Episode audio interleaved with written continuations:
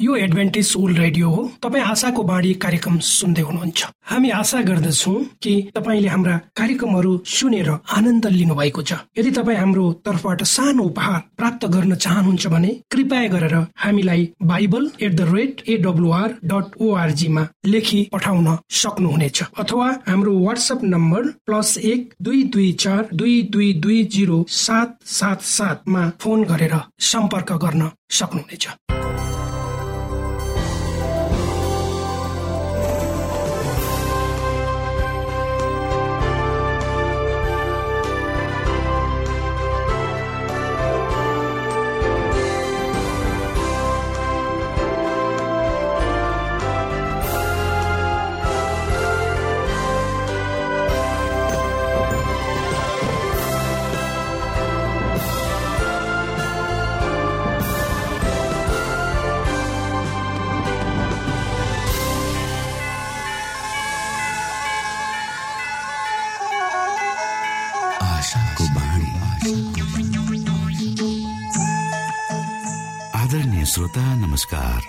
समय तपाईँ Adventist world रेडियोको प्रस्तुति भोइस अफ होप आशाको बाणी कार्यक्रम सुन्दै हुनुहुन्छ। कार्यक्रम प्रस्तुता म रवि यो समय तपाईँको साथमा छु। मानव जातिमा देखाइएको परमेश्वरको प्रेम र अनुग्रह तपाईँसँग बाँड्ने उद्देश्यले तपाईँकै आफ्नै प्रिय कार्यक्रम आशाको बाणीमा यहाँलाई हामी न्यानो स्वागत गर्दछौँ। आशाको बाणीको आजको प्रस्तुतिबाट पनि तपाईँले परमेश्वरसँग नजिक रहेको अनुभूति गर्नुहुनेछ भनेर हामी आशा राख्दछौ। आउनु श्रोता यो मधुर भजनसँगै हामी हाम्रो मुख्य कार्यक्रम तर्फ लागौं।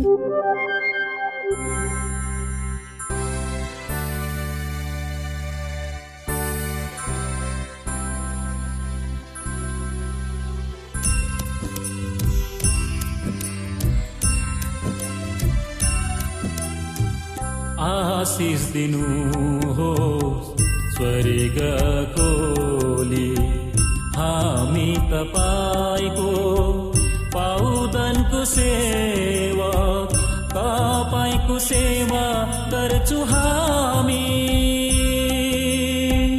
आशिष दिनु हो स्वर्ग खोली जल्लखल्ला कस यो सुन्दर सृष्टि सबै बनाउनु हो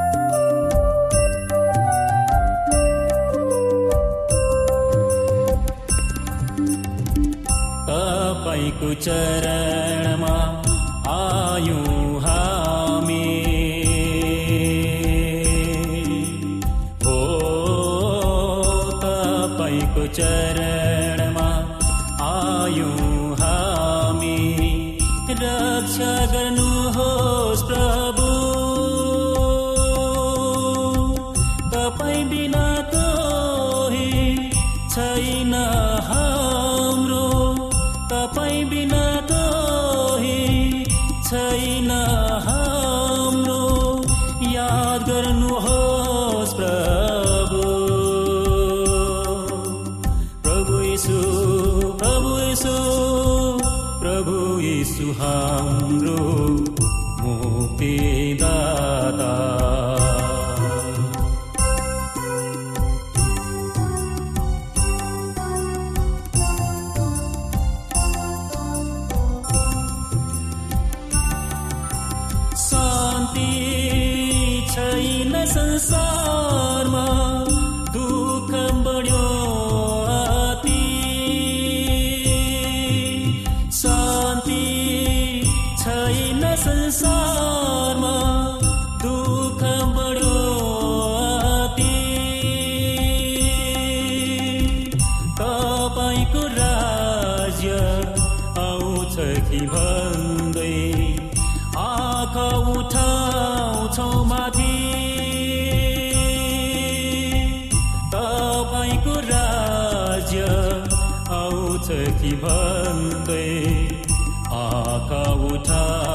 उ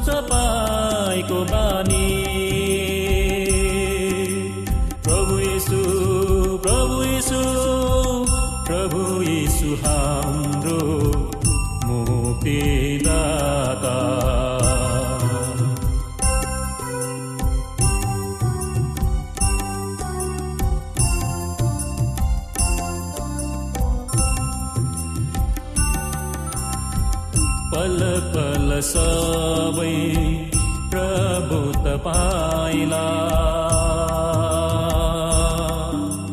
हो पल पल यो समय तपाईँ एडभेन्टिस्ट ओल्ड रेडियोको प्रस्तुति भोइस अफ होप आशाको बाणी कार्यक्रम सुन्दै हुनुहुन्छ। तपाईँ आशाको बाणी कार्यक्रम सुन्दै हुनुहुन्छ। हामी आशा गर्दछौँ कि तपाईँले हाम्रा कार्यक्रमहरू सुनेर आनन्द लिनुभएको छ। यदि तपाईँ हाम्रो तर्फबाट सानो उपहार प्राप्त गर्न चाहनुहुन्छ भने कृपया गरेर हामीलाई Bible at the rate AWR dot ओआरजीमा लेखी पठाउन सक्नुहुनेछ। अथवा हाम्रो वाट्सएप नम्बर प्लस एक दुई दुई चार दुई दुई दुई जिरो सात सात सातमा फोन गरेर सम्पर्क गर्न सक्नुहुनेछ। श्रोता मित्र यो समय हामी पास्टर उमेश पोखरेलबाट आजको बाइबल सन्देश सुन्नेछौ। श्रोत साथी न्यानो अभिवादन साथ म तपाईँको आफ्नै आफन्त अर्थात् पास्टर उमेश पोखरेल परमेश्वरको वचन लिएर यो रेडियो कार्यक्रम मार्फत पुनः तपाईँको घर आँगनमा उपस्थित भएको छु। श्रोता मलाई आशा छ तपाईँले हाम्रा कार्यक्रमहरू नियमित रूपमा सुन्दै हुनुहुन्छ र परमेश्वरका प्रशस्त आशिषहरू प्राप्त गर्दै हुनुहुन्छ। आउनुहोस् तपाईँ हामी केही समय परमेश्वर सँगसँगै बिताउँ। आजको प्रस्तुतिलाई पस्कनुभन्दा पहिले आउनुहोस् म परमेश्वरमा अगुवाईको लागि बिन्ती राख्नेछु। जीवित जिउँदो महान दयालु परमेश्वर प्रभु हामी धन्यवादी छौँ। यो जीवन र जीवनमा दिनुभएका प्रशस्त आशिषहरूको लागि यो रेडियो कार्यक्रमलाई तपाईँको हातमा राख्दछु। यसलाई तपाईँको राज्य र महिमाको प्रचारको खातिर यो देश र सारा संसारमा पुर्याउनुहोस् ताकि धेरै मानिसहरूले तपाईँको ज्योति यो कार्यक्रम मार्फत देख्न सकुन् सबै बिन्ती प्रभु यीशुको नाम। आमेन।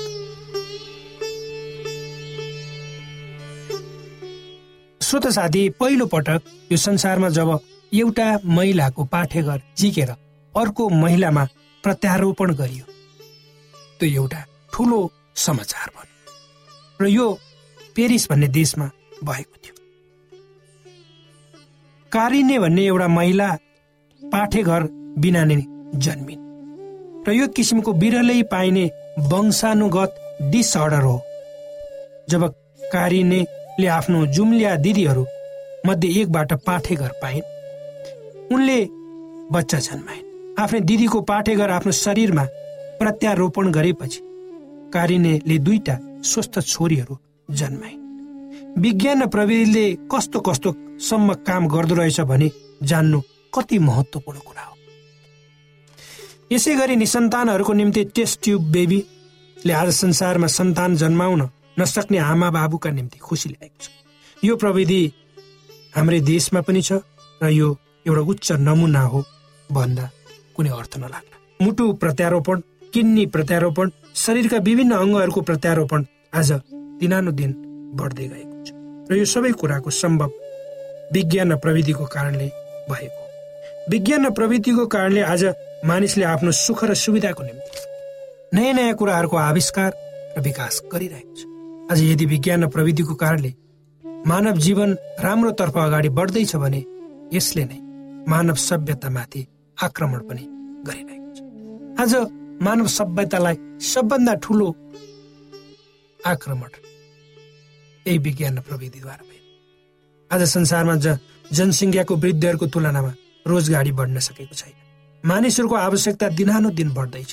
त्यसको अनुपातमा उत्पादन बढेको पाइन् मानिसहरूको इच्छा र चाहनाहरू दिनानुदिन चुलिँदैछन्। त्यसको तुलनामा आम्दानी वृद्धि भएको पाइन् संसारका सबै मानिसहरूमा सबभन्दा चिन्ताको विषय भनेको उनीहरूको आफ्नो नोकरीको सुरक्षा। धेरै मान्छेहरूसँग नोकरी छैन। जो मानिसहरूसँग नोकरी छ तिनीहरूमा पनि एउटा चिन्ता छ नोकरीको। यसले संसारका सबै मानिसहरूलाई चिन्तित पारेको छ। कुनै समयमा हजारौं मानिसहरूले काम गर्ने काम आजभोलि एउटा मिसिनले गर्न सक्छ रोबोटले गर्न सक्छ।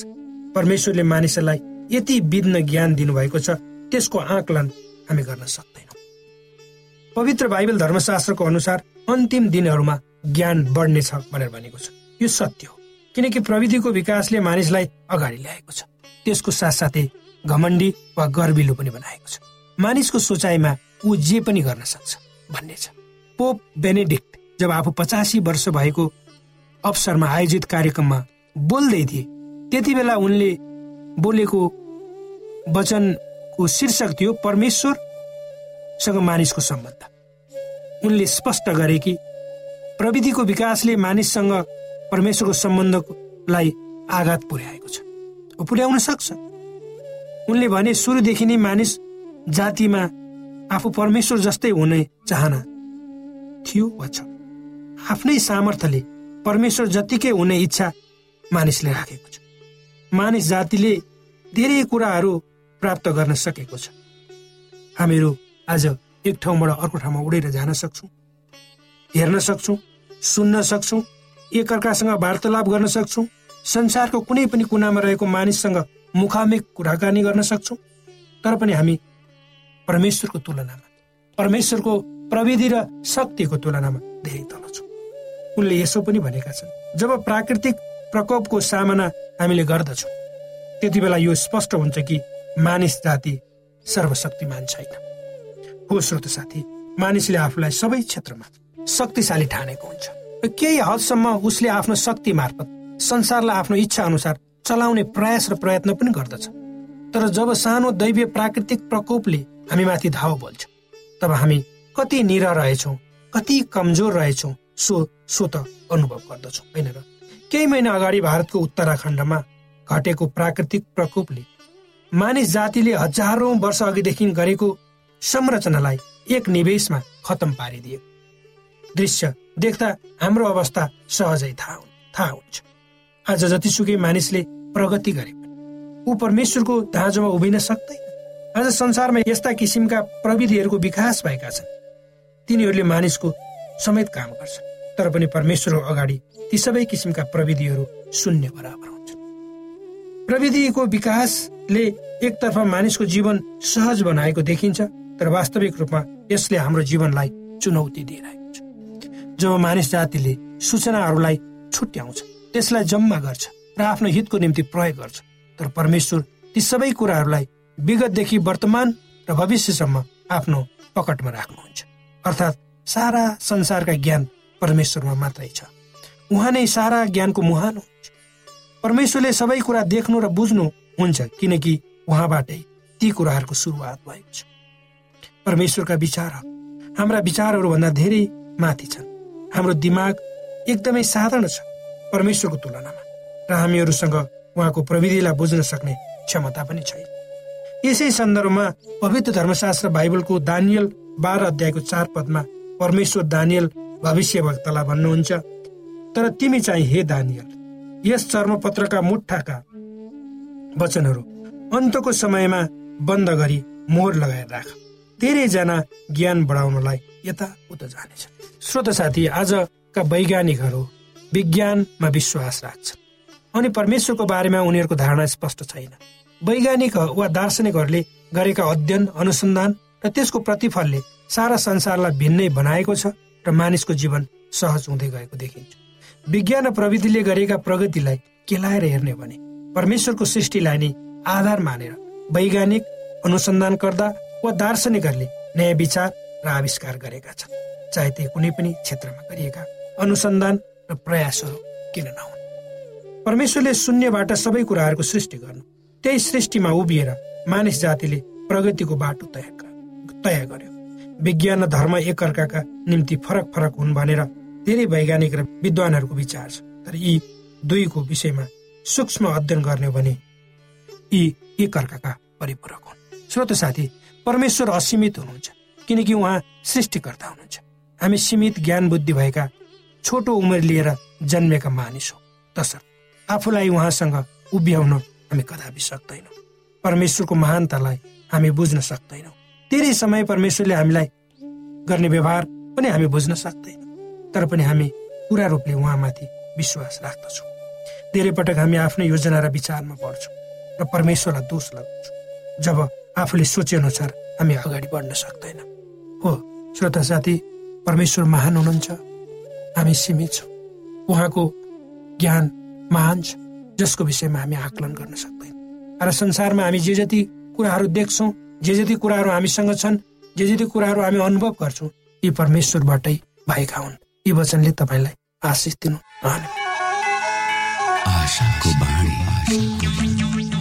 श्रोता भर्खरै यहाँले पास्टर उमेश पोखरेलबाट बाइबल वचन सुन्नुभयो।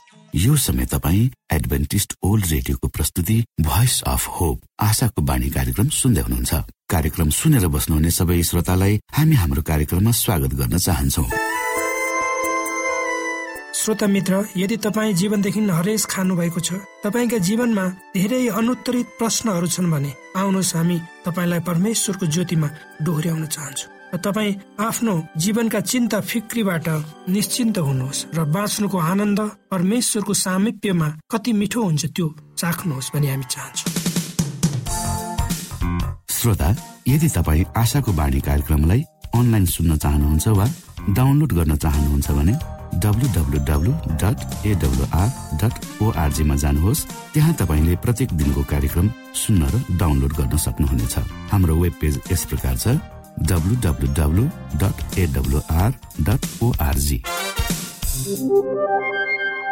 श्रोता यदि तपाईँ हामीसित सिधै फोनमा सम्पर्क गर्न चाहनुहुन्छ भने हाम्रा नम्बरहरू यस प्रकार छन्।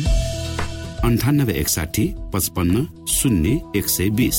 अन्ठानब्बे एकसाठी पचपन्न शून्य एक सय बिस र अर्को अन्ठानब्बे अठार त्रिपन्न पन्चानब्बे पचपन्न। अन्ठानब्बे अठार त्रिपन्न पन्चानब्बे पचपन्न।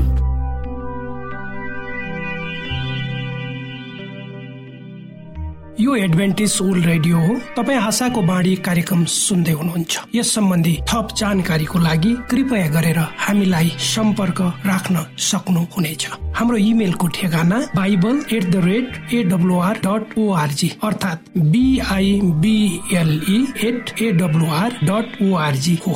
तपाईँ हामीलाई हाम्रो वाट्सएप नम्बर प्लस एक दुई दुई चार दुई दुई दुई जिरो सात सात सातमा पनि कल गरेर सम्पर्क राख्न सक्नुहुनेछ। अर्थात् प्लस एक दुई दुई चार दुई दुई दुई जिरो सात सात सात। यो आशाको बाणी रेडियो कार्यक्रम हो। म धनलाल राई यहाँहरूलाई यस कार्यक्रममा न्यानो स्वागत गर्दछु। आजको समसामयिक विषयको प्रस्तुतिका साथ मिना राई। श्रोत साथी न्यानो अभिवादन। म तपाईँहरूकै मित्र मिना राईको। आज म तपाईँहरूको बिचमा परमेश्वरको वचन लिएर आएकी छु। आजको शीर्षक रहेको छ मेरो आत्माको निम्ति खुराक। श्रोत साथी मती चारको चारमा यसरी लेखिएको छ यसोले शैतानलाई जवाफ दिनुभयो। लेखिएको छ मानिस रोटीले वा खानाको निम्ति मात्र बाँच्ने होइन। तर परमेश्वरको मुखबाट निस्केको हरेक वचनबाट जीवित रहन सकिन्छ। परमेश्वरको वचन हाम्रो आत्मिक खुराक हुनु पर्दछ यस संसारमा मानिसलाई जीवन दिन ख्रिस आउनुभयो। उहाँको जीवनले मानिसलाई बाँच्न सिकाउँछ। उहाँको वचन बाइबल हो। उहाँलाई अध्ययन गरेर दिमाग र हृदयमा राख्दा हाम्रो निम्ति आत्मिक पौष्टिक खुराक बन्छ। प्रभुले आफ्नै वचनद्वारा अनेकौं रोगहरू निको पार्नु भएको थियो भनेर दुष्ट आत्माहरूले क्रसित पागलहरू निको पार्नु भएको थियो। उहाँकै शक्तिशाली वचनले अर्कोले उर्लेको समुद्र र आधी बेरीलाई शान्त पार्नु भएको थियो। उहाँकै वचनले मुर्दाहरूलाई जीवित पार्नु भएको थियो। उहाँको वचन वा बोली कतिको शक्तिशाली छ भन्ने कुराको बयानको सीमा नै छैन। हामीहरूको भौतिक शरीरलाई पौष्टिक खुराकले थामिराख्दछ त्यसरी नै हाम्रो आत्मिक वा आध्यात्मिक जीवनलाई प्रभुको वचनले थाम्दछ। यस संसारमा जन्मेका प्रत्येक मानव प्राणीले प्रभुको वचनलाई आफ्नै लागि व्यक्तिगत रूपमा प्राप्त गर्नु पर्दछ हामी स्वास्थ्य रहन पौष्टिक खाना खान्छौ। त्यसरी नै आत्मिक रूपमा हष्टपुष्ट हुन परमेश्वरको वचन व्यक्तिगत रूपमा अध्ययन गर्नै पर्दछ। उहाँका प्रतिज्ञा र चेतावनीहरू यसुले मेरै निम्ति दिनुभएको हो। बाइबलमा उल्लेख गरिएका बाइबलसँग सम्बन्धित विभिन्न अनुभव र विवरणहरू मेरै हुनु पर्दछ बाइबलमा लेखिएका प्रार्थना नीति र चेतावनीहरू मेरो बनाउन मलाई नै दिएको हो। श्रोता यस संसार र सारा जगतको अस्तित्वको निम्ति सृजनात्मक ऊर्जा वा शक्ति प्रभुको वचनमा नै छ। वचनले शक्ति र ऊर्जा उपलब्ध गराउँछ। यसले जीवनलाई उत्पादन गर्दछ। प्रत्येक आदेश प्रभुको प्रतिज्ञा हो। अन्तर आत्मादेखि ग्रहण गर्नु पर्दछ अनन्त र अपार परमेश्वरको जीवन प्रभुको वचनले ल्याउँदछ। जसरी हामीलाई प्रभुको वचनले जीवन प्रदान गर्दछ त्यसरी नै जीवनलाई प्रभुको वचनले नै थामी राख्न दिनु पर्दछ परमेश्वरको मुखबाट निस्केको हरेक वचनले जीवित रहँदछ। मती चारको चारमा लेखिएको छ हाम्रो दिमाग र विवेकको निर्माण हामीले पढेका सामग्रीहरूले गर्दछ। मानसिक र शारीरिक जीवनलाई पुष्ट र स्वस्थ राख्न के गर्नुपर्छ? सो खान निर्णय गर्ने प्रत्येक मानिसलाई दिएको छ। त्यसरी नै हाम्रा कुन सोच कुन विचारले दिमागमा भराएर र कुन विषय वस्तुले हाम्रो चरित्रको निर्माण गर्न चाहन्छौ? त्यो चुन्ने अधिकार र शक्ति प्रत्येक मानिसलाई सुम्पिएको छ। प्रभुको स्वरूपमा ढाल्न वैयक्तिक वा व्यक्तिगत निर्णयको अधिकार प्रत्येक मानिसको हो र कसैले कसैलाई जबरजस्ती गर्ने नीति पापी मानिसको भए तापनि परमेश्वरको पक्कै होइन। श्रोत साथी प्रिय युवा युवतीहरू हो यसुको नाउँमा यो हार्दिक आग्रह गर्दछु कि लगनशील भएर बाइबल अध्ययन गर्नुहोस्। तपाईँलाई छिटै परमेश्वरको सिंहासनको वरिपरि म भेट्नेछु। तपाईँको निम्ति बाइबल दिउँसो बादलको खम्बा र राति आगोको मुस्लो वा खम्बा हो भनेर तपाईँलाई नै प्रमाणित गरेर यसले देखाउनेछ। तपाईँको अगाडि माथि माथि उक्लिरहेको बाटोमा जान बाइबल नै पथ प्रदर्शक हो। ओहो बाइबलको गौरव गरिमा र यो कतिको किम्मती छ भन्ने चाहना हृदय र जीवनको निम्ति चाहिने स्रोत र पुस्तक बाइबल हो। तपाईँहरूको निम्ति परमेश्वरको सन्देश बाइबलमै छ। यो यसरी सरल भाषा र शैलीमा लेखिएको छ कि सानो बालकले पनि बुझ्न सक्दछ बाइबल कस्तो बहुमूल्य र दामी पुस्तक। यसमा हामीले विचार गर्नु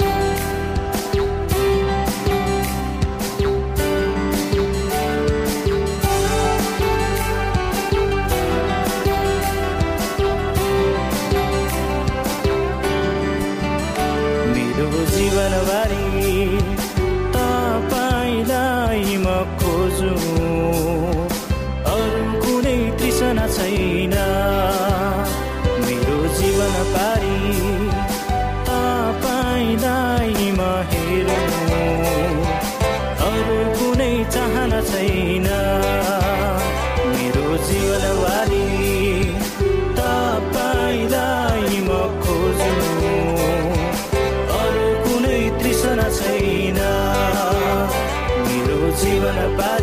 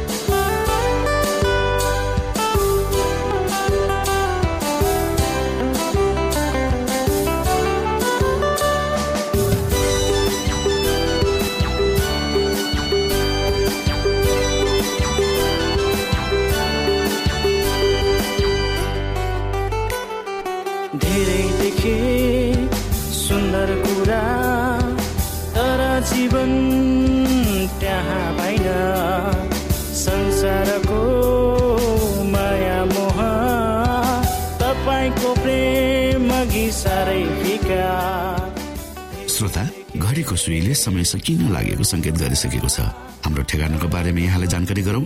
आशाको बाणी पोस्ट बक्स नम्बर दुई शून्य शून्य शून्य दुई काठमाडौँ नेपाल।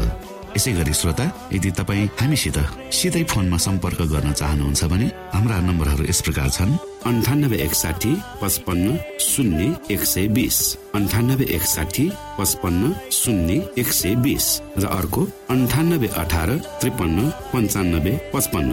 अन्ठानब्बे अठार त्रिपन्न पन्चानब्बे पचपन्न। हवस् त श्रोता हाम्रो कार्यक्रम सुनिदिनु भएकोमा एकचोटि फेरि यहाँलाई धन्यवाद दिँदै भोलि फेरि यही स्टेशन र यही समयमा भेट्ने बाजा गर्दै प्राविधिक साथी राजेश पास्टर उमेश पोखरेल र कार्यक्रम प्रस्तुता म रवि यहाँसँग विदा माग्दछौ। परमेश्वरले तपाईँलाई धेरै धेरै आशिष दिनु भएको होस्। नमस्कार।